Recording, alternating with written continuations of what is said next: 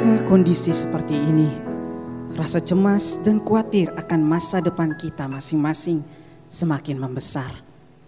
Yang bersekolah harus dihadapkan dengan zonasi sesuai domisili, banyaknya pekerja yang kehilangan pekerjaannya, dan juga para lulusan muda yang dihadapkan untuk sulitnya mencari dan mendapatkan lapangan pekerjaan, serta usaha yang mulai merosot pendapatannya. Meskipun semua itu berat untuk kita lalui, hal tersebut tak bisa menjauhkan kita dari kasih Tuhan. Teruslah percaya atas kehendaknya dan hiduplah baginya, karena anugerah dan janjinya akan dinyatakan dalam hidup kita. Kalau ku hidup, ku hidup bagimu.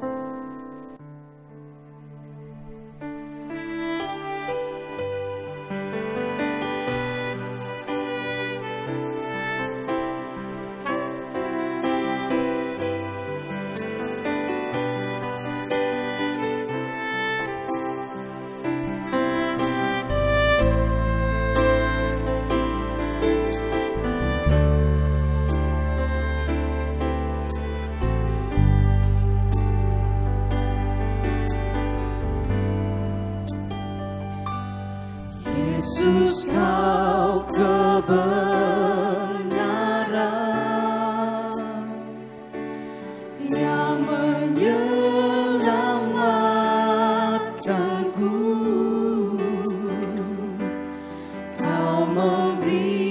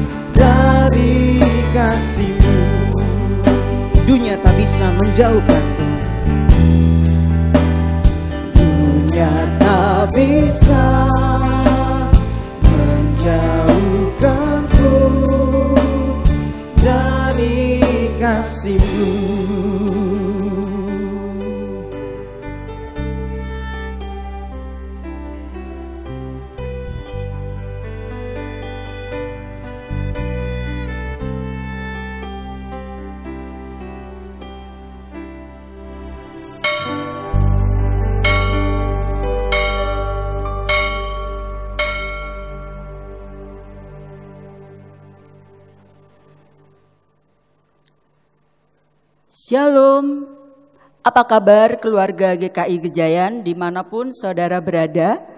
Tetap teguh dan tegar dalam pengharapan. Mari kita mempersiapkan diri kita dan hati kita untuk mengikuti ibadah daring pada hari ini dengan mempersiapkan Alkitab, mempersiapkan persembahan, berpakaian dengan rapi, dan duduk tenang bersama dengan keluarga hingga ibadah selesai. Jemaat terkasih, saat ini kami mohon perhatian saudara untuk menyampaikan beberapa hal sebagai berikut. Yang pertama, ibadah Minggu 12 Juli 2020 dilaksanakan secara online atau daring pada pukul 8.00 waktu Indonesia Barat dan juga dapat didengar di Radio Petra pukul 12.00 waktu Indonesia Barat. Yang kedua, aktivitas gereja baik itu persekutuan maupun pembinaan-pembinaan yang ada masih dilaksanakan secara online di bulan Juli ini. Yang ketiga, program siaran Sapa Sahabat dikhususkan untuk Sapa Sahabat Anak dan diadakan secara online setiap hari Rabu pukul 19.00 waktu Indonesia Barat. Yang keempat, kelas katekisasi baru dengan pembimbing Pendeta Guratan Pamentasing Pragolaisa dan Ibu Susanti Ari akan dimulai pada hari Senin tanggal 20 Juli 2020 pukul 17.00 waktu Indonesia Barat. Saudara yang akan mengikuti kelas katekisasi ini dimohon untuk mendaftarkan diri ke kantor gereja, baik melalui telepon, SMS, WA, ataupun datang langsung ke kantor gereja pada setiap jam kerja. Yang kelima, Jemaat yang akan memberikan persembahan dapat memberikan persembahannya melalui beberapa cara seperti yang tertera dalam slide berikut ini.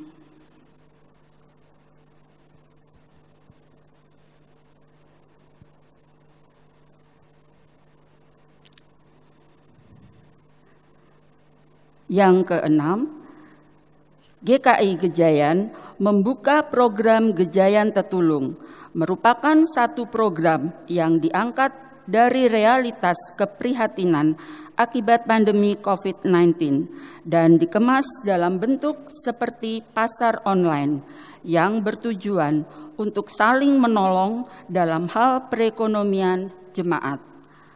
Program ini diutamakan untuk anggota jemaat dan aktivis yang sudah punya usaha, baru akan membuka usaha, dan yang sedang membutuhkan pekerjaan. Informasi selengkapnya dapat dibaca dalam Warta Jemaat.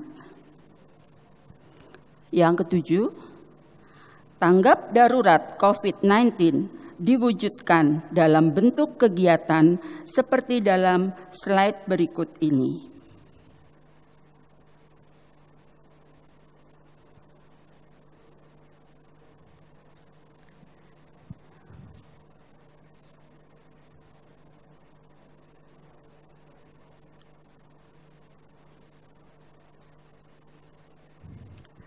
Apabila Bapak Ibu Saudara membutuhkan informasi lebih lanjut, dapat menghubungi Saudara Esol dengan nomor telepon 0857 4356 6779. Kami menantikan partisipasi Bapak Ibu Saudara sekalian. Kebaktian pada hari ini dengan tema kebaktian bersiap menabur dengan pelayan firman Pendeta Risang Anggoro Eliarso dari GKJ Condong Catur, Yogyakarta. Bersama dengan keluarga, mari kita siapkan hati kita untuk bersama memuji dan mendengarkan firman Tuhan. Mari Bapak Ibu Saudara, kita masuk saat teduh sejenak.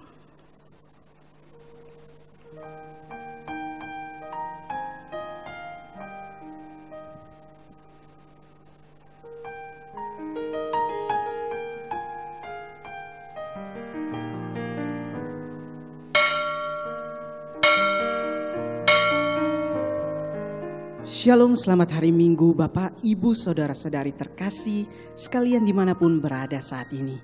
Mari kita awali ibadah kita saat ini dengan bersama-sama mau memujikan, kunyanyikan kasih setia Tuhan.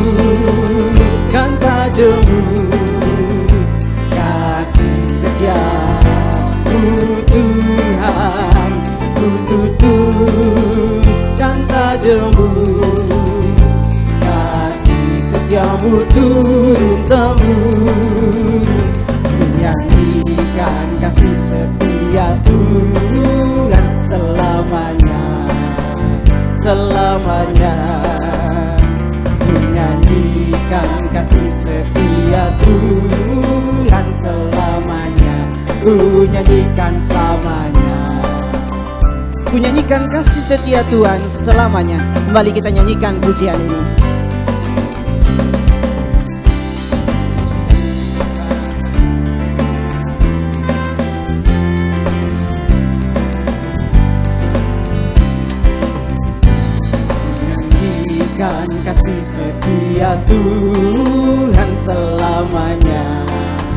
Selamanya. Kasih setia Tuhan selamanya.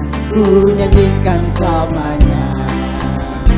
Ku tuturkan tak jemur Kasih setiamu Tuhan Ku tuturkan tak jemu Kasih setiamu turun temurun Ku nyanyikan kasih setia Tuhan selamanya Selamanya. Ku nyanyikan kasih setia Tuhan selamanya. Ku nyanyikan selamanya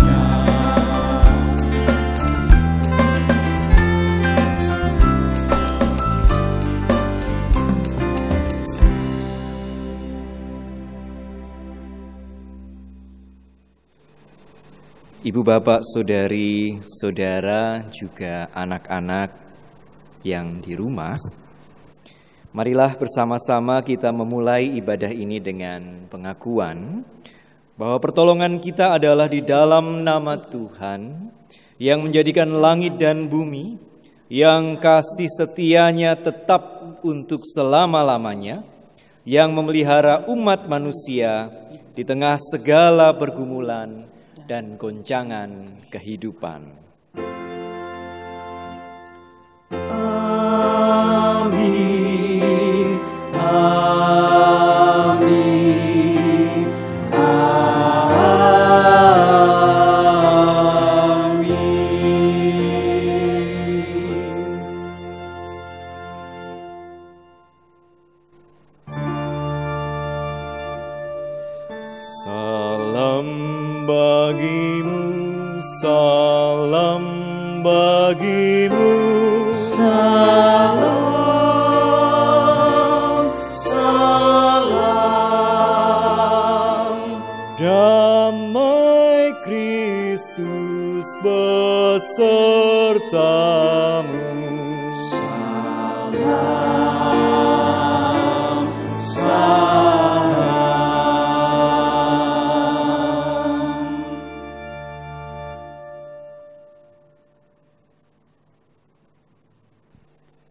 Bapak, Ibu, saudara-saudari yang dikasihi Tuhan, marilah kita menundukkan kepala kita, kita merendahkan hati kita.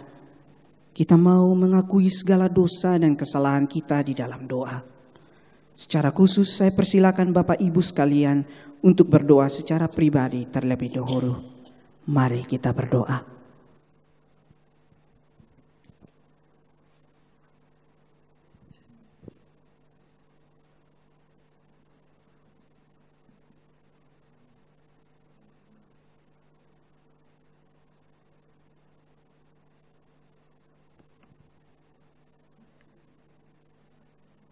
Ya Bapa kami yang Maha Kudus, saat ini kami datang dengan kepala tertunduk dan hati yang merendah sujud kepadamu. Ya Bapa, kami ingin memohon ampun kepadamu akan segala dosa-dosa yang telah kami perbuat di keseharian kami. Baik yang sengaja maupun yang tidak sengaja. Kami meminta maaf apabila perbuatan-perbuatan kami menyakitkan hati Bapa dosa-dosa yang telah kami perbuat kepada orang tua, teman-teman, dan orang-orang terdekat kami. Kiranya Bapa ampunilah kami dan perbaharuilah kami. Serta dengan pertolongan roh kudus, memampukan kami untuk tidak melakukan dosa-dosa itu lagi. Terima kasih ya Bapa. Hanya di dalam an nama anakmu yang tunggal Tuhan kita Yesus Kristus kami berdoa. Haleluya. Amin. Saya undang ibu bapak, saudari-saudara, juga anak-anak untuk bangkit berdiri. Marilah kita bersuka cita menyambut berita anugerah dari Tuhan sebagaimana yang bisa kita baca di dalam Yeremia 31 ayat 9 yang demikian. Dengan menangis mereka akan datang dengan hiburan aku akan membawa mereka. Aku akan memimpin mereka ke sungai-sungai di jalan yang rata di mana mereka tidak akan tersandung. Sebab aku telah menjadi bapa Israel. Efraim adalah anak sulungku. Demikianlah berita anugerah dari Tuhan. Syukur kepada Allah.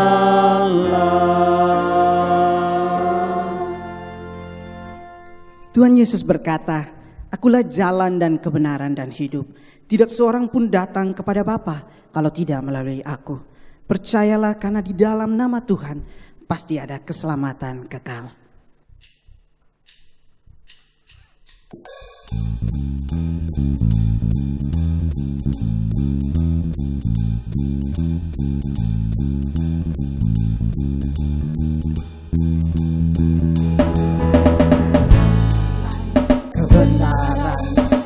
Jalan kehidupan itu ya Yesus katakan aku percaya amin di dalam namanya ada keselamatan kekal jalan kebenaran dan jalan kehidupan itu yang Yesus katakan aku percaya amin dalam namanya ada keselamatan kekal glory haleluya glory haleluya glory haleluya glory haleluya glory haleluya di dalam namanya ada keselamatan kekal glory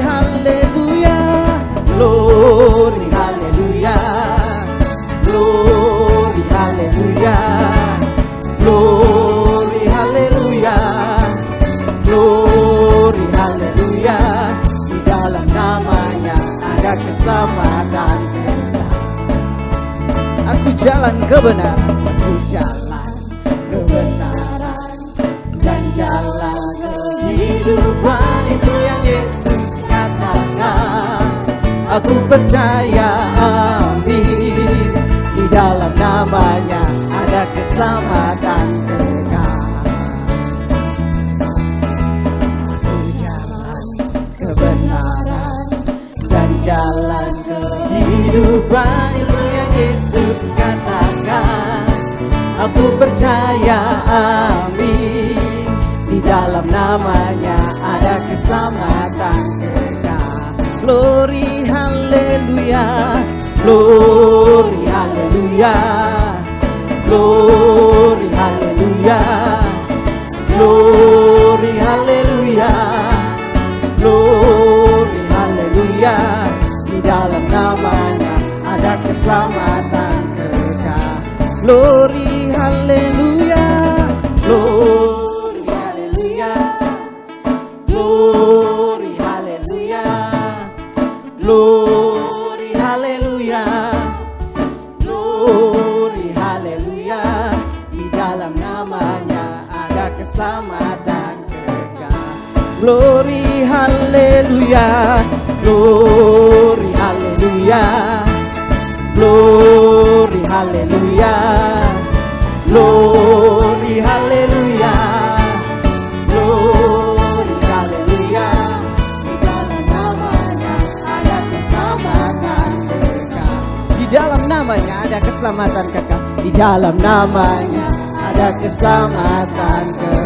Di dalam namanya ada keselamatan kekal.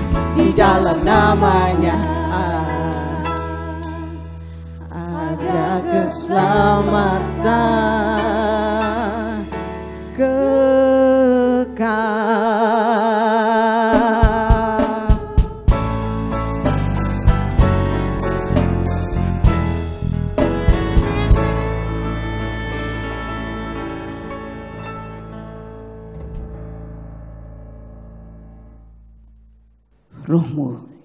yang hidup.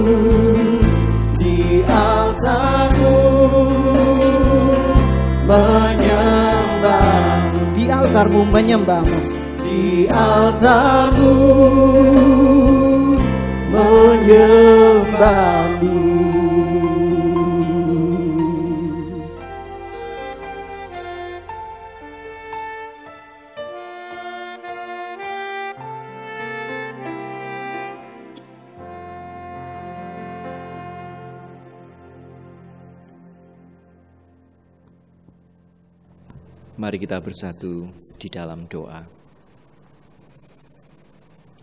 Tuhan kami menghadap kepadamu dengan luapan rasa syukur. Karena kami orang-orang yang penuh dengan kelemahan, berulang melakukan kesalahan, dan tak terbilang menindakkan dosa ini, masih beroleh anugerah pengampunanmu. Sungguh kami bersyukur dan bersuka cita atasnya Tuhan. Tetapi Tuhan kami pun mawas betul bahwa anugerah pengampunanmu adalah juga panggilan. Panggilan bagi kami untuk memperbaharui kehidupan kami, menjadi semakin seturut dengan kehendakmu. Oleh sebab itu, sebentar lagi kami akan membaca kami akan merenungkan, kami akan mendiskusikan sebagian dari isi Alkitab kami. Kami rindu mendapati kehendakmu di dalamnya. Kami pun rindu bisa memelihara kehendakmu itu di dalam batin dan pikiran kami. Demikian pula kami rindu untuk bisa mewujud nyatakan kehendakmu itu di dalam keseharian hidup kami. Maka bersabdalah ya Tuhan, dan kiranya roh kudus berkarya menolong dan memampukan kami. Demi Kristus Yesus Sang Sabda yang menjadi daging, kami bersyukur dan memohon. Amin. Kitab Yesaya pasal 55 ayat 10 sampai dengan 13. Kitab Yesaya pasal 55 ayat 10 sampai dengan 13. Sebab seperti hujan dan salju turun dari langit dan tidak kembali ke situ, melainkan mengairi bumi, membuatnya subur dan menumbuhkan tumbuh-tumbuhan, memberikan benih kepada penabur dan roti kepada orang yang mau makan. Demikianlah firmanku yang keluar dari mulutku ia tidak akan kembali kepadaku dengan sia-sia, tetapi ia akan melaksanakan apa yang ku kehendaki dan berhasil dalam apa yang kusuruhkan kepadanya. Sungguh, kamu akan berangkat dengan sukacita dan akan dihantarkan dengan damai. Gunung-gunung serta bukit-bukit akan bergembira dan bersorak-sorai di depanmu dan segala pohon-pohonan di padang akan bertepuk tangan. Sebagai ganti semak duri akan tumbuh pohon sanobar, dan sebagai ganti kecubung akan tumbuh pohon murat, dan itu akan terjadi sebagai kemasyuran bagi Tuhan, sebagai tanda abadi yang tidak akan lenyap. Demikianlah sabda Tuhan. Syukur kepada Allah.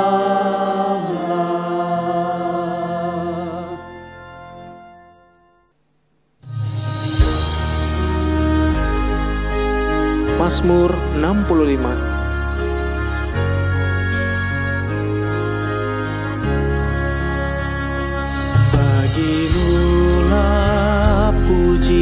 puji-pujian di Sion. Kepadamulah orang membayar nasar. Engkau Allah yang mendengarkan doa. Engkau Allah yang dengarkan doa. Bagimulah puji-pujian di Sion. Kepadamulah orang membayar nasar Engkau Allah yang mendengarkan doa.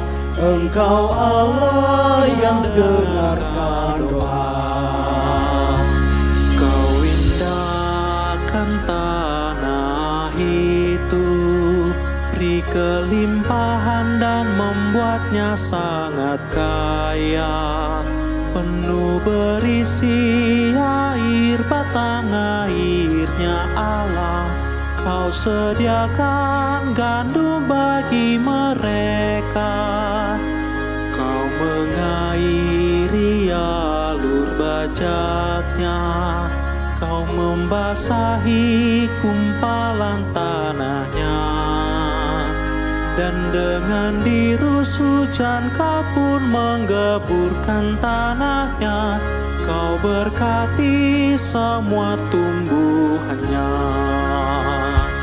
Bagimulah puji-pujian di Sion Kepadamulah orang membayar nasar. Engkau Allah yang mendengarkan doa. Engkau Allah yang dengarkan doa. Kau mahkotai tahun dengan kebaikan. Jejakmu Tuhan mengeluarkan lemak Tanah gurun pun menitik bukit bersorak-sorai Padang rumput berpakaikan kambing domba. Lembah-lembah semua subur berselimutkan gandum. Semuanya bersorak dan bernyanyi. Bagimulah puji-pujian di Sion. Kepadamu lah orang membayar nasar Engkau Allah yang mendengarkan doa Engkau Allah yang dengarkan doa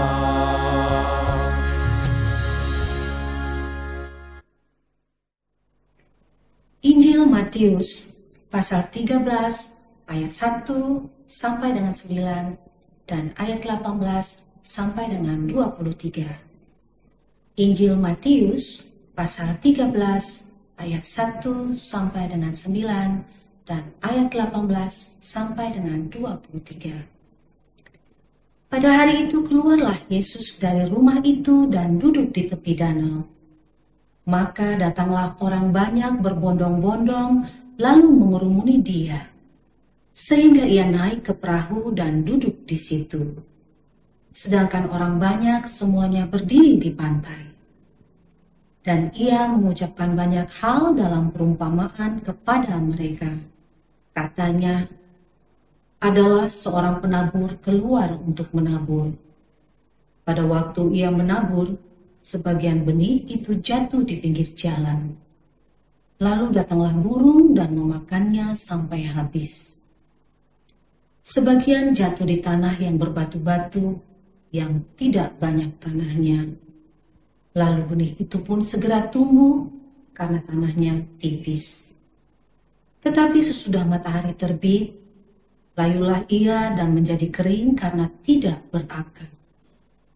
Sebagian lagi jatuh di tengah semak duri, lalu makin besarlah semak itu dan menghimpitnya sampai mati.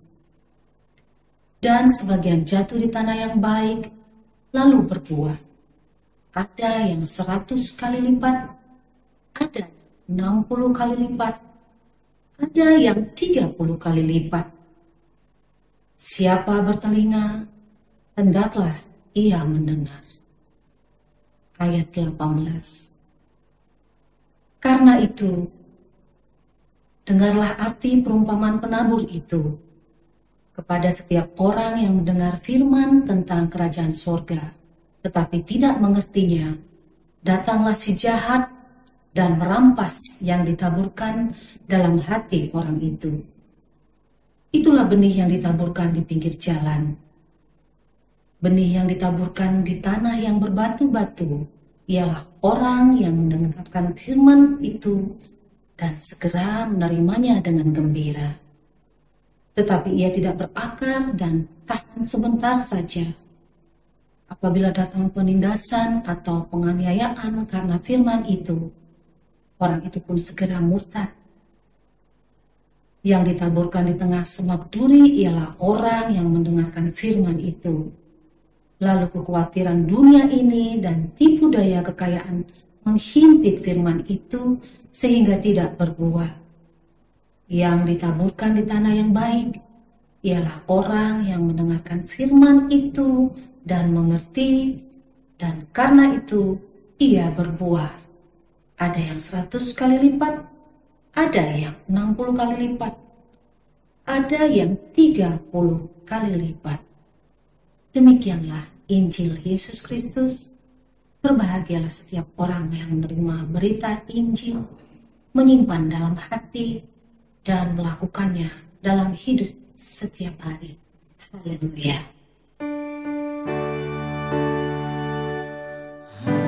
Haleluya. Haleluya.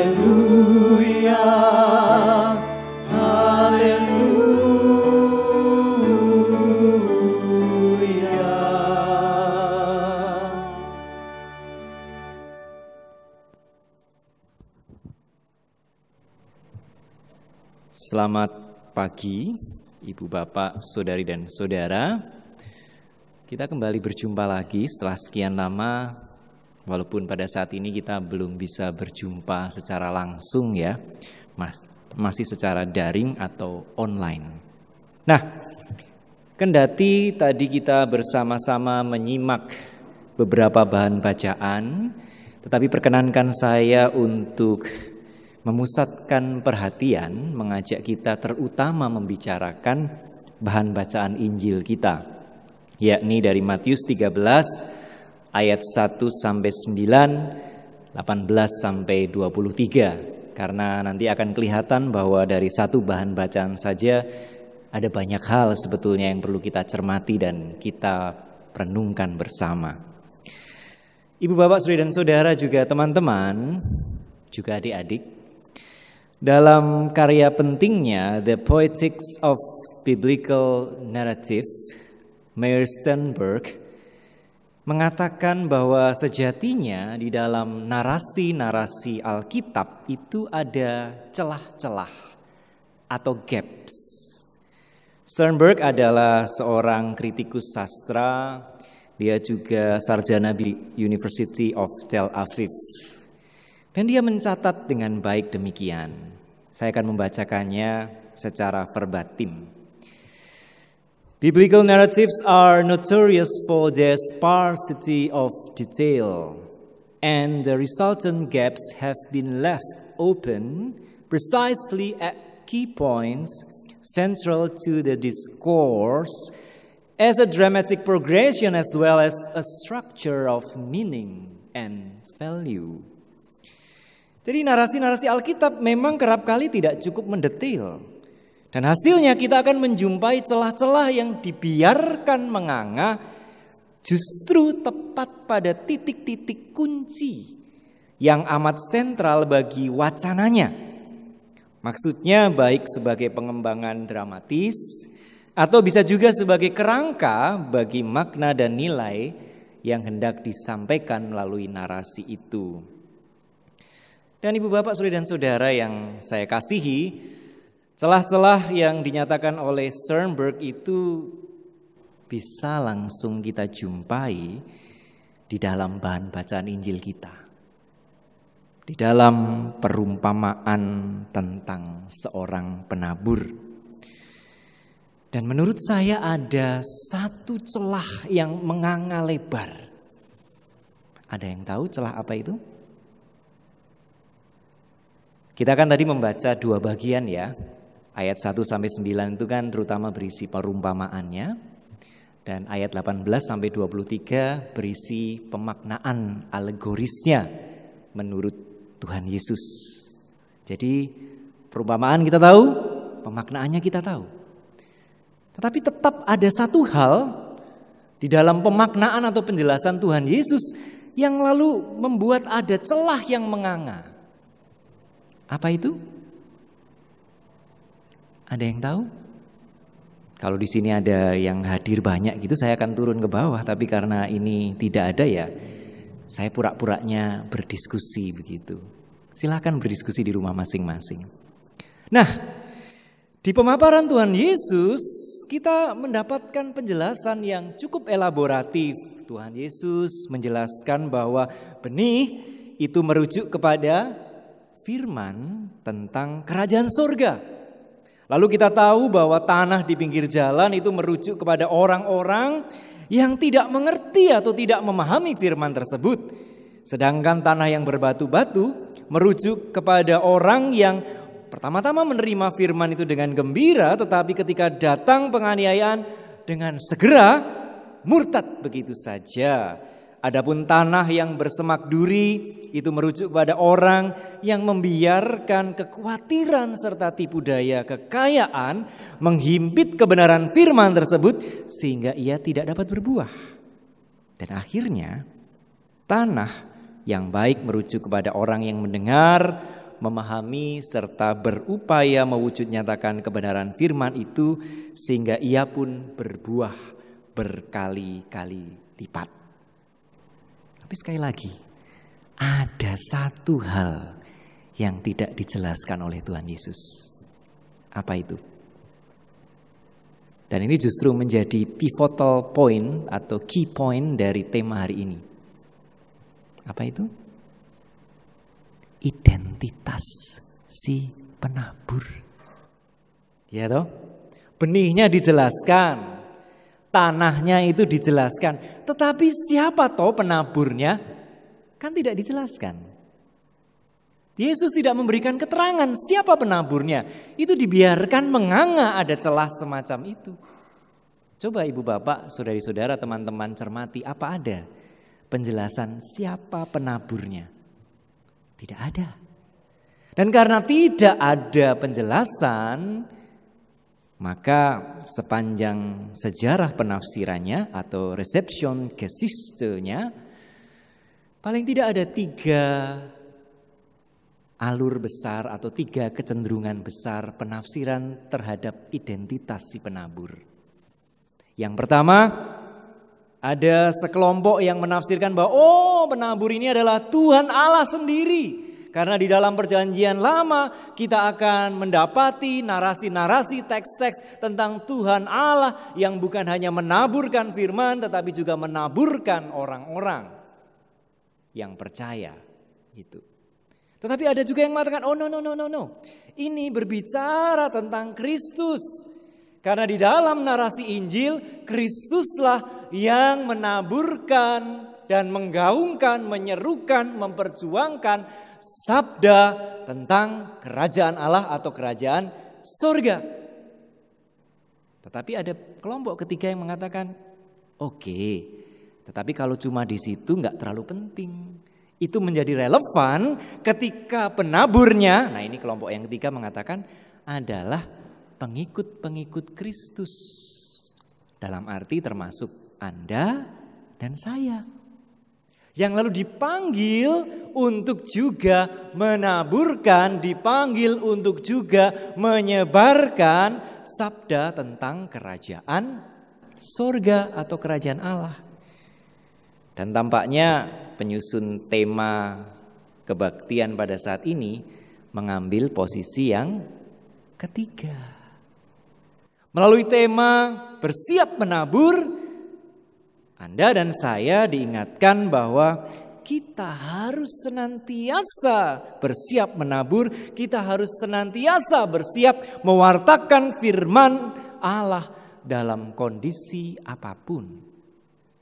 Bukan tugas kita untuk menilai apakah si A itu termasuk tanah di pinggir jalan, si B itu termasuk tanah berbatu, si C itu tanah bersemak duri. Oh, si D itu tanah yang baik, jadi saya hanya menabur di si D saja. Itu bukan tugas kita. Kita harus menabur kepada siapa pun. Bukan juga terutama tugas kita untuk memerangi, saya mau memerangi burung-burungnya. Saya mau memindahkan batu-batuannya dan memecahkan batu-batuannya. Saya mau membersihkan semak durinya. Oh tidak. Tugas kita terutama dan pertama-tama menabur.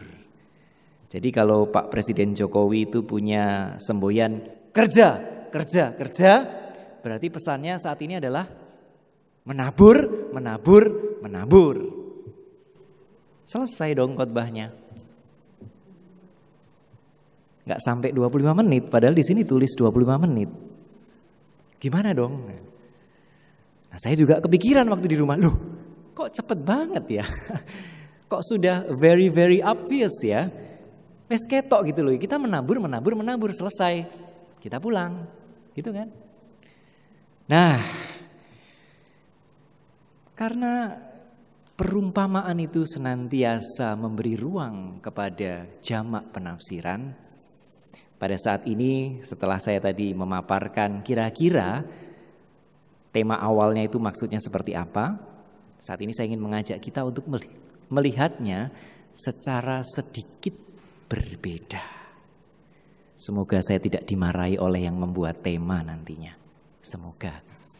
Nah, tetapi pertama-tama kalau kita mau menafsirkannya secara agak berbeda, menurut saya kita harus memaknai ulang, memaknai kembali apa yang disebut sebagai firman tentang kerajaan sorga. atau Ton Logon Tes Basileas. Beberapa minggu yang lalu, walaupun saya di GKJ Condong Catur, saya menyaksikan juga ibadah GKI Gejayan. Dan pada saat itu Ibu Rena menjelaskan dengan sangat baik bahwa kerajaan Allah atau kerajaan surga Basilea Tutheu atau Basilean Ton Uranon itu sebaiknya tidak terutama dipahami sebagai teritori atau wilayah. It is not about kingdom of God or kingdom of heaven. Bu Rena mengingatkan kita bahwa kerajaan Allah, kerajaan surga itu adalah tentang kingship God, kingship of heaven. Ini adalah tentang situasi atau kondisi yang terjadi ketika Allah lah yang memerintah, Allah lah yang memimpin kehidupan. Kalau meminjam ungkapan World Council of Churches, maka situasi kondisi ini ditandai oleh adanya justice, peace, and the integrity of all creation. Keadilan, perdamaian, dan kesejahteraan atau keutuhan segenap ciptaan.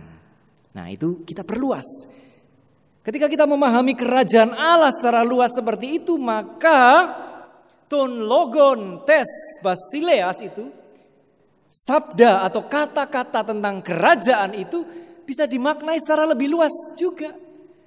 Tidak melulu dan pertama-tama terutama mengenai sabda Tuhan yang tertulis di dalam Alkitab, tapi di tengah era informasi seperti ini, maka ton logon tes basileas itu bisa dipahami sebagai segala bentuk informasi yang membantu kita, yang memampukan kita, yang mengarahkan kita kepada perwujudan keadilan, kepada perwujudan perdamaian, kepada perwujudan keutuhan segenap ciptaan. So this is about information.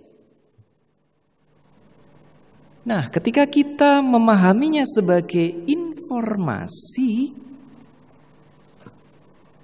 maka Elemen-elemen lain dari perumpamaan itu bisa juga kita pahami secara baru. Kita bisa memahami bahwa hal-hal yang menghalangi benih informasi yang baik itu tumbuh dan berbuah adalah apa yang disebut sebagai kekacauan informasi atau information disorder atau bahkan kalau kita mau meminjam ungkapan David Rothkopf, kita bisa memandangnya sebagai infodemic, bencana informasi. Kita biasa untuk merujuk informasi yang keliru itu sebagai false information atau mungkin yang keren sekarang ini hoax gitu kan. Tetapi sebetulnya di dalam pemerhati informasi mereka memilah bahwa paling tidak ada tiga kategori information disorder, kekacauan informasi, atau tiga kategori infodemic. Paling tidak ada tiga. Yang pertama adalah misinformasi. Apa itu misinformasi? Misinformasi itu adalah informasi yang kontennya, isinya keliru, tetapi secara tidak sengaja disebarluaskan, diceritakan, dijalarkan, dipaparkan. Kenapa? Karena orang yang menyebarluaskan, menjalarkan dan memaparkannya enggak dong. Jadi dia pikir itu benar. Padahal itu salah. Lalu dia melakukan misinformasi. Nah, menurut saya misinformasi ini di dalam perikop atau di dalam perumpamaan kita bisa disetarakan dengan tanah yang di pinggir jalan. Karena kata kuncinya adalah tidak memahami. Orang tidak memahami bahwa informasi ini salah lalu disebarluaskan. Gitu kan? Sehingga akhirnya timbul kekacauan informasi, timbul bencana informasi. Kategori yang kedua adalah apa yang disebut sebagai disinformasi. Iki panganan opo maneh iki disinformasi. Bedanya apa? Kalau disinformasi ini kontennya salah dan orang yang menyebarkannya itu tahu kalau itu salah tetapi dia sengaja menyebarkan informasi yang salah itu, konten yang salah itu untuk tujuan dan kepentingan tertentu. Nah, mungkin ini bisa disejajarkan dengan tanah berbatu yang kering tadi. Mungkin. Lalu yang ketiga adalah apa yang disebut sebagai mal informasi. Wah, ini makanan apa lagi ya? Mal informasi itu perhatikan, kontennya benar. Tetapi konten yang benar, informasi yang benar ini digunakan secara keliru, disalahgunakan untuk tujuan-tujuan yang tidak baik, untuk tujuan-tujuan yang jahat, maka disebut sebagai malum, artinya jahat atau tidak baik, information. Jadi sekali lagi, ini berbicara tentang sebetulnya informasinya benar, tetapi disalahgunakan untuk tujuan yang tidak benar. Sehingga dampaknya pun sekali lagi terjadi kekacauan informasi bahkan bencana informasi. Dan ini mungkin bisa disejajarkan dengan semak duri yang menghimpit dan membunuh informasi yang baik.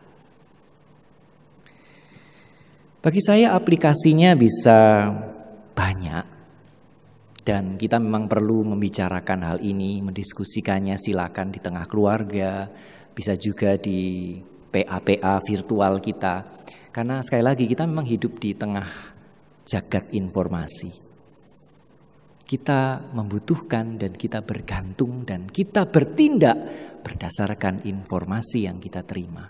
We act upon informations. Tetapi pada saat ini saya ingin mengajak kita untuk memusatkan perhatian kita pada relevansi kekacauan informasi ini, relevansi bencana informasi ini di tengah pandemi COVID-19. Bukankah ketiga kategori kekacauan atau bencana informasi tadi juga bisa kita jumpai? Ya enggak? Kita mulai dengan misinformasi. Wah ini yang paling sering kita jumpai. Enggak usah jauh-jauh. Silakan Anda buka grup-grup WhatsApp Anda. Akan ada misinformasi. Salah satu contoh klasik misinformasinya, jadi ini informasi yang keliru tetapi orang-orang yang tidak paham bahwa ini keliru lalu dengan bersemangat menyebarluaskannya biasanya ditandai oleh ungkapan apa? Share dari grup sebelah gitu. Cuma sekedar berbagi dari grup sebelah gitu. Gitu kan? Salah satunya apa?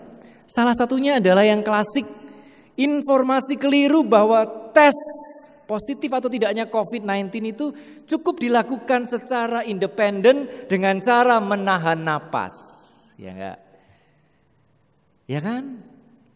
Lalu ada yang mengatakan kalau bisa menahan napas 10 detik berarti Anda bebas Covid. Coba di sini yang di rumah juga tahan napas 10 detik. Tuh 2 3 4 5 6 7 8 9 10. Saya bisa lebih dari itu. Apakah itu ber berarti saya pasti bebas Covid? Oh tidak. Tetapi misinformasi ini lalu disebarkan dan masih banyak lagi contohnya. Misalnya yang juga dulu kelihatan banyak itu kan informasi bahwa kalau kita berjemur nanti virusnya mati.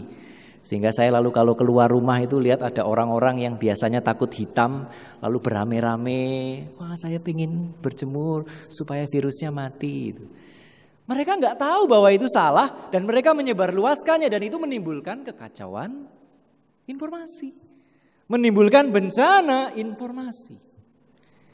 Tetapi mungkin ini tidak terlalu parah, tidak terlalu jahat, karena memang orangnya nggak tahu. Masalahnya adalah ketika kita berbicara tentang disinformasi, informasi keliru yang disebarkan oleh orang yang pastinya tahu bahwa itu keliru, tetapi dengan alasan yang tidak bisa dipertanggungjawabkan, tetap menyebarkan informasi keliru itu. Mau tahu contohnya? Contohnya adalah kalung antivirus yang heboh belakangan ini. Saya yakin bahwa yang menyebarkan informasi itu tahu betul bahwa eukaliptus itu belum teruji secara klinis, praklinis pun belum memiliki properti antivirus, tetapi orang-orang yang punya otoritas itu dengan seenak perutnya sendiri menyebarkan informasi bahwa kalung eukaliptus itu, fitofarmaka itu antivirus. Ini disinformasi. Siapa penyebar disinformasinya? Silakan ditebak sendiri daripada nanti ada yang bilang kijang satu, kijang satu, ninu, ninu, itu repot nanti. Lalu bagaimana dengan mal informasi? Bisakah Saudari-saudara, ibu bapak menyebutkan contohnya. Salah satu contohnya adalah informasi dari beberapa pihak bahwa COVID-19 itu tidak semematikan severe acute respiratory syndrome SARS atau Middle East respiratory syndrome MERS. Benar atau salah? Benar. Benar. Case fatality rate-nya COVID-19 itu cuma 2,3 persen. Jadi hanya 2,3 dalam tanda kutip, hanya 2,3 persen dari yang positif itu yang meninggal. Jauh dibandingkan SARS yang 9,5 persen. Apalagi dibandingkan MERS yang sampai 34,4 persen. Itu betul. Dicari jurnalnya ada, itu informasi yang betul. Tetapi informasi yang betul ini disalahgunakan untuk menyebarkan apa yang saya sebut sebagai toxic positivity, positivitas yang beracun. Karena orang jadi keblinger, orang lalu tidak menyadari betapa berbahayanya COVID-19 karena lalu tidak disebutkan bahwa kendati case fatality rate-nya lebih rendah, tetapi COVID-19 jauh, jauh, jauh lebih menular ketimbang SARS dan MERS. Itulah sebabnya SARS dan MERS tidak menjadi pandemi. Ibu bapak saudara dan saudara tahu berapa yang meninggal gegara SARS sampai sekarang? Padahal SARS tahun 2003 hanya 774 orang. Berapa banyak yang meninggal gegara MERS yang muncul 2012 kalau saya tidak salah mengingat? Sekali lagi tanpa bermaksud mengecilkan casualty-nya hanya 866 orang.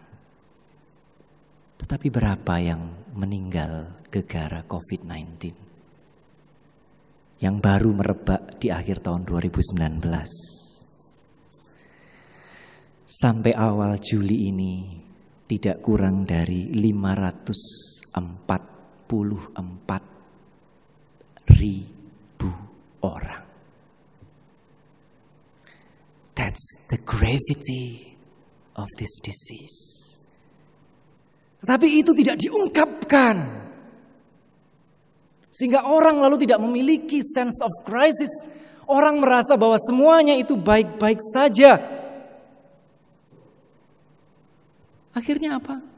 Akhirnya kurva di negeri ini terus menaik dan orang sudah disibukkan berbicara dan mempersiapkan diri tentang new normal, tentang tatanan kehidupan baru. Seandainya mal informasi itu lalu tidak seperti itu. Seandainya orang lalu dipaparkan data yang seutuhnya, yang sesungguhnya, maka orang akan lalu berpikir ulang, apa itu new normal? Apakah memang itu berarti kembali normal?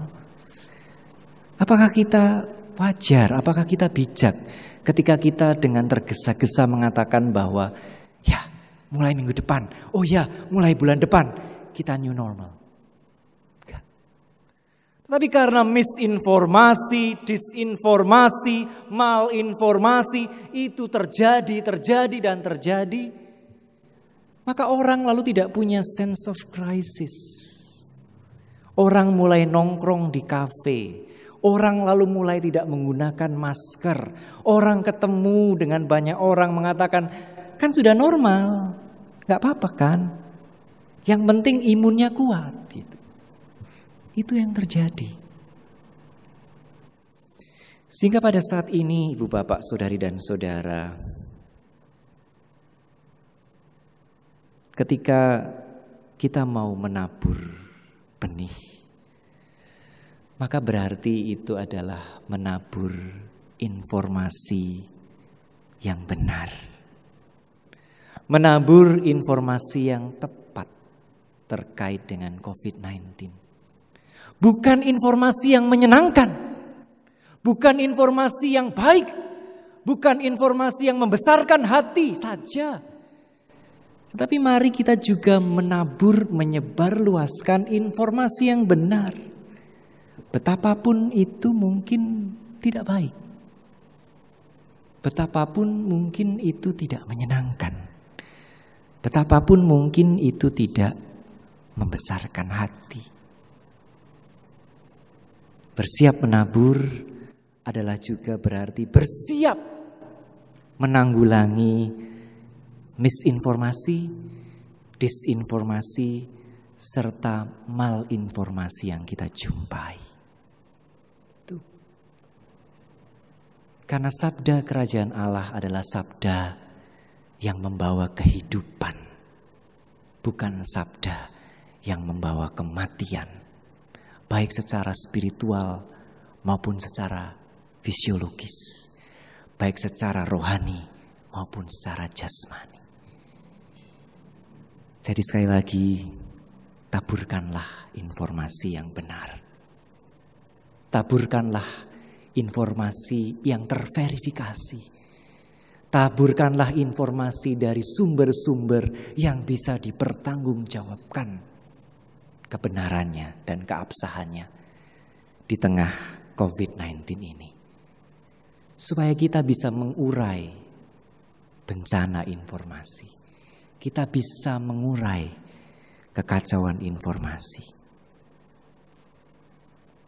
Karena bagi saya hanya dengan demikianlah kita dan masyarakat kita benar-benar bisa mengantisipasi dan memasuki tatanan kehidupan baru atau new normal secara memadai. Tanpanya, kita akan memasuki new normal dengan sangat gegabah. Tanpanya, alih-alih membawa kehidupan, kita bisa menyebarluaskan kematian. Kiranya Tuhan, Sang Penabur Agung, senantiasa menyertai, memberkati, dan memampukan kita Amin. Saat teduh untuk kita barang sesaat.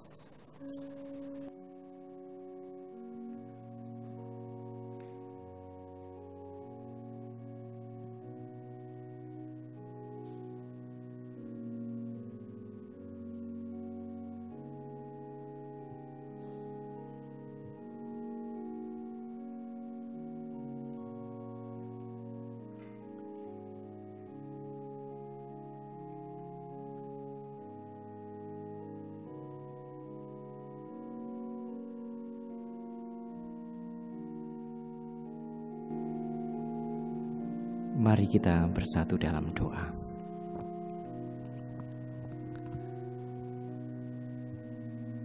Tuhan,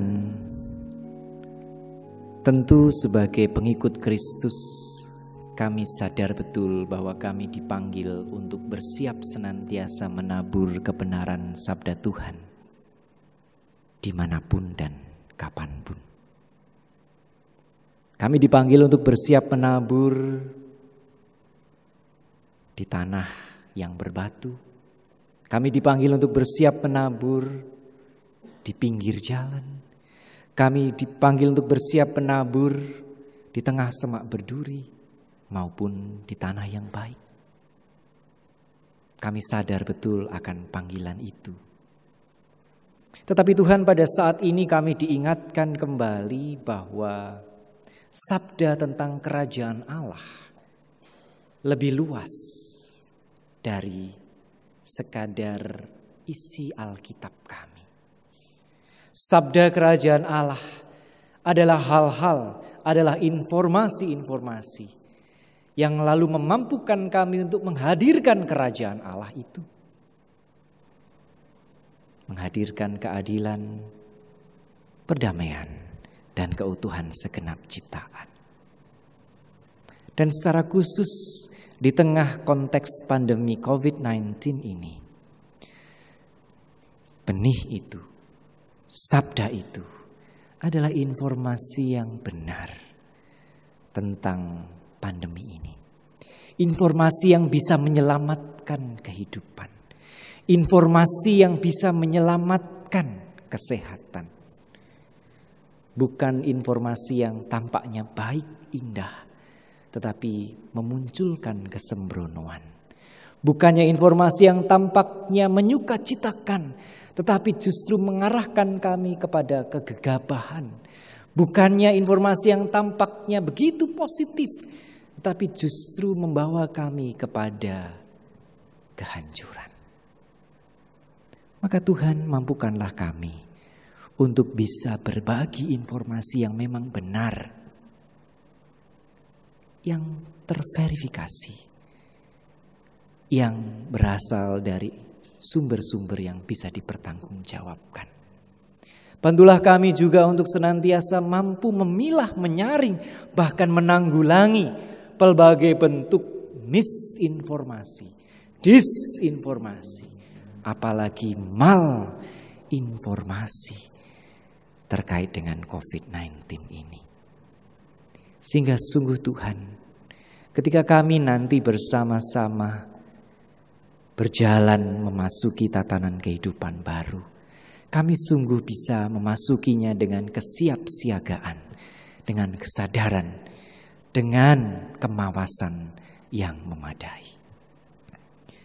Tuhan pada saat ini kami juga ingin menyerahkan pelbagai rupa pergumulan kehidupan kami yang tentunya bertambah berat di tengah pandemi ini.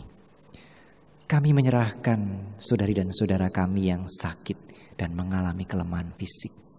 Kami menyerahkan saudari dan saudara kami yang bergumul di dalam dunia kerjanya. Kami menyerahkan jerih juang saudari dan saudara kami di dalam studinya. Kami menyerahkan segala bentuk perjuangan hidup saudari dan saudara kami yang sekali lagi tentunya menjadi kian kompleks, kian pelik di tengah COVID-19 ini. Kami membutuhkan pertolonganmu Tuhan, sehingga kami boleh menghadapinya, menyikapinya, bahkan menyelesaikannya dengan baik atas berkat daripadamu. Dan pada saat ini Tuhan tentu kami juga ingin menyerahkan kehidupan bersama kami, pelayanan bersama kami sebagai keluarga besar GKI Gejayan. Pelbagai rupa bentuk pelayanan sudah kami rancang, kami lakukan dan akan kami kerjakan. Untuk meringankan beban pergumulan bukan hanya warga jemaat kami, tetapi juga warga masyarakat di sekitar kami. Tuhan berkati setiap pihak yang terlibat di dalamnya. Sehingga sungguh gerejamu ini boleh hadir untuk membawa kelegaan di tengah masyarakat kami. Dan Tuhan tentu saja kami berdoa untuk bangsa dan negara kami. Secara khusus kami berdoa untuk pemerintah kami. Oh Tuhan kami tahu betul bahwa ada banyak hal yang perlu dipertimbangkan. Ada banyak hal yang perlu dipikirkan.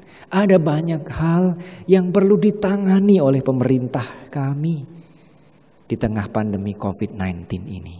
Kami sadar betul bahwa pemerintah kami tidak bisa sekadar mengindahkan informasi dari sisi medis dan epidemiologis. Pemerintah kami pun perlu mempertimbangkan informasi, situasi, dan kondisi ekonomi, sosial, maupun politis.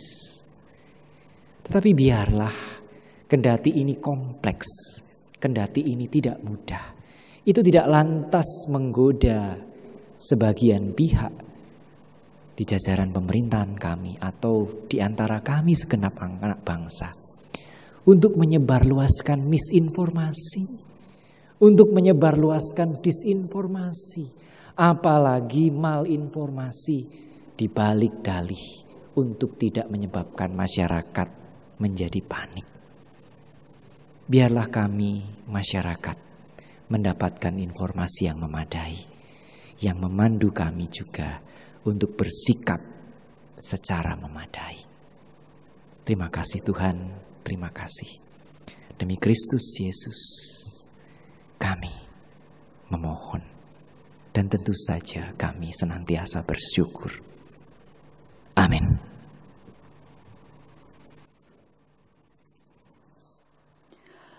Bapak Ibu Saudara terkasih, dengan bangkit berdiri kita kembali mengikrarkan pengakuan iman rasuli yang demikian.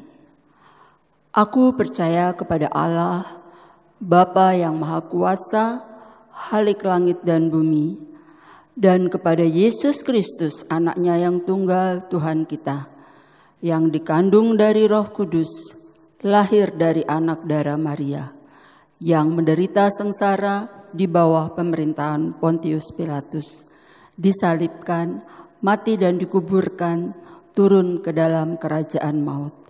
Pada hari yang ketiga, bangkit pula dari antara orang mati, naik ke sorga, duduk di sebelah kanan Allah, Bapa yang Maha Kuasa. Dan dari sana ia akan datang untuk menghakimi orang yang hidup dan yang mati. Aku percaya kepada roh kudus, gereja yang kudus dan am, persekutuan orang kudus, pengampunan dosa, kebangkitan orang mati, dan hidup yang kekal. Amin. Bapak Ibu Saudara terkasih, umat yang dikasihi Tuhan, marilah kita menyerahkan seluruh aspek hidup kita yang kita simbolkan dengan mata uang. Kiranya hidup dan pemberian kita menjadi persembahan yang kudus dan berkenan di hadapan Tuhan sambil mengingat Mazmur 126 ayat 5. Mari kita baca bersama-sama. Orang-orang yang benar dengan mencucurkan air mata akan menuai dengan bersorak-sorai. Bagi Tuhanlah kami mempersembahkan hidup dan karya kami.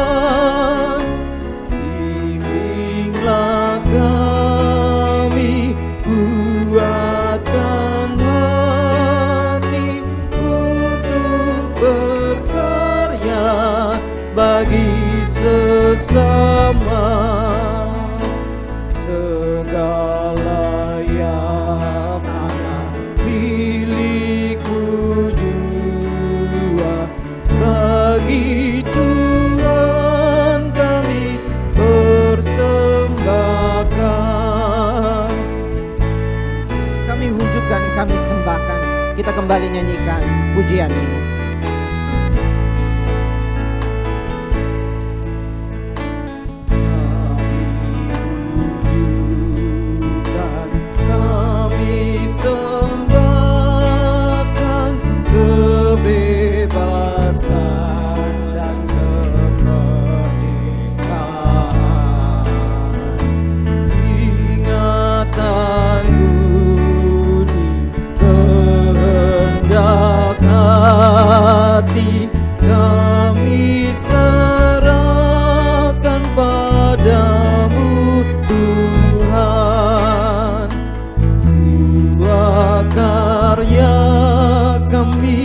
Kami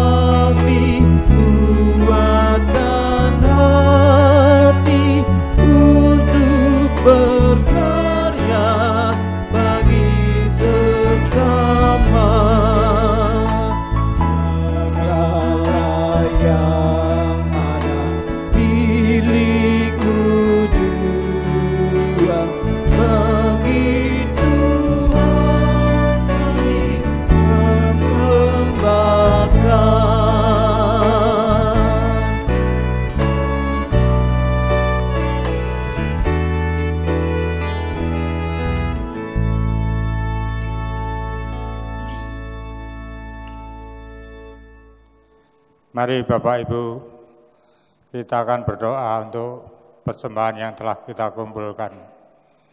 Mari berdoa. Bagi Tuhanlah seluruh aspek hidup kami, termasuk hasil kerja kami yang juga berasal dari berkat-Mu. Mampukan kami mengelola apa yang masih ada pada kami. Mampukanlah juga gerejamu untuk mengelola apa yang sudah kami kumpulkan. Kiranya semua ini berguna untuk pekerjaan Tuhan dalam mendatangkan damai sejahtera dan demi keutuhan ciptaanmu. Dalam nama Yesus Kristus, doa ini kami naikkan. Amin. Marilah bersiap untuk kembali dan melanjutkan ibadah kita dalam keseharian hidup kita sebagai penutur cerita Tuhan Yesus dan cinta kasihnya. Kusuka menuturkan.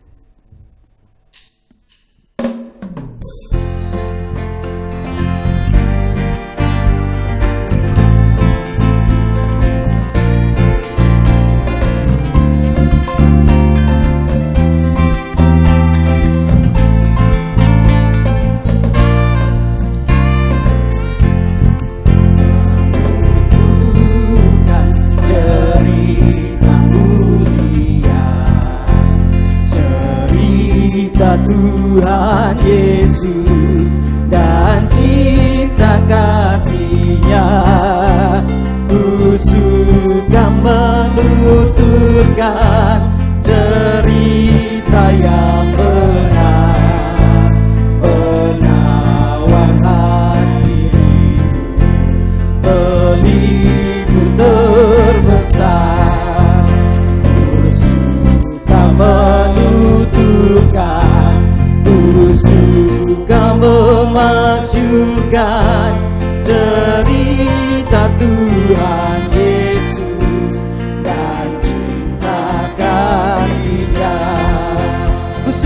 menuturkan cerita mulia yang sungguh melebihi impian dunia. Mari kita nyanyikan baiknya yang kedua.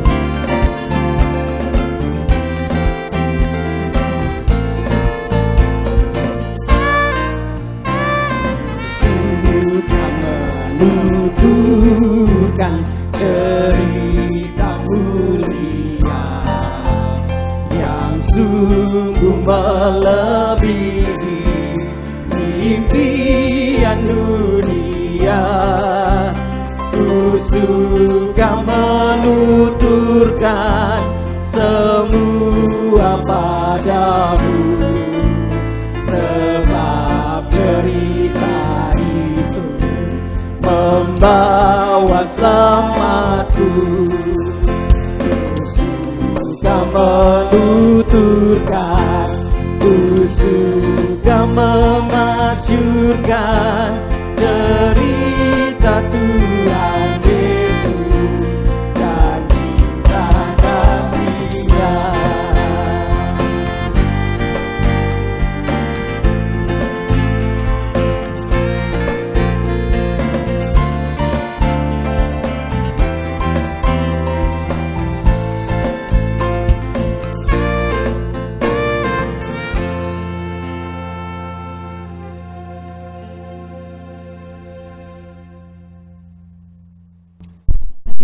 Saudara dan saudara yang terkasih, bersama Tuhan, mari kita bersatu untuk bersama menanggung pergumulan dunia. Kami bersedia bersatu untuk bersama menanggung pergumulan dunia. Bawalah penghiburan dan pengharapan dari Tuhan bagi sesama. Kami mau menjadi alat penghiburan dan pengharapan dari Tuhan bagi sesama. Terangilah dan garamilah keluarga dan dunia. Kami bersuka cita menjadi terang dan garam dunia. Kini marilah kita menerima berkat Tuhan yang akan menguatkan dan meneguhkan kita mewujud nyatakan panggilan itu. Tuhan memberkati kita dan melindungi kita. Tuhan menyinari kita dengan wajahnya dan memberi kita kasih karunia. Tuhan menghadapkan wajahnya kepada kita dan memberi kita damai sejahtera.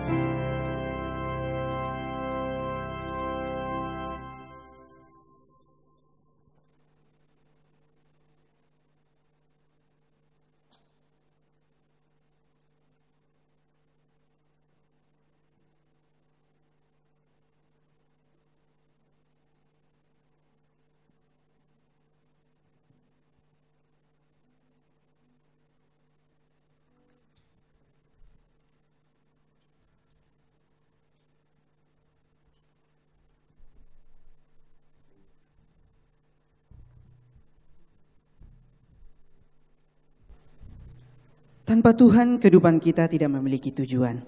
Tanpa tujuan hidup, kita tidak memiliki makna. Tanpa makna, kehidupan kita tidak memiliki harapan. Karena itu, percayakan kehidupan kita dalam Tuhan Yesus, sehingga Ia akan membuat kehidupan kita penuh dengan tujuan serta makna hidup yang membawa pengharapan. Selamat hari Minggu, Tuhan Yesus memberkati. kebenaran dan jalan kehidupan Tuhan Yesus katakan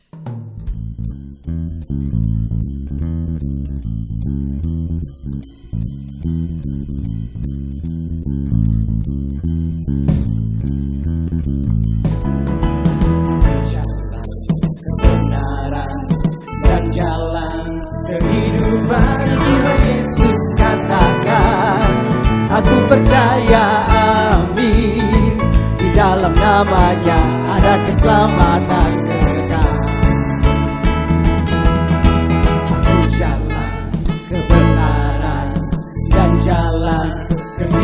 kehidupan itu yang Yesus katakan. Aku percaya amin. Di dalam namanya ada keselamatan kekal Glory haleluya. Glory haleluya. Glory haleluya. Glory haleluya. Di dalam namanya ada keselamatan kekal Glory haleluya Glory haleluya Glory haleluya Glory haleluya Di dalam namanya ada keselamatan Aku jalan kebenaran dan jalan kehidupan Itulah Yesus katakan. Aku percaya amin Di dalam namanya ada keselamatan. Jalan kebenaran dan jalan kehidupan Itulah Yesus katakan. Aku percaya amin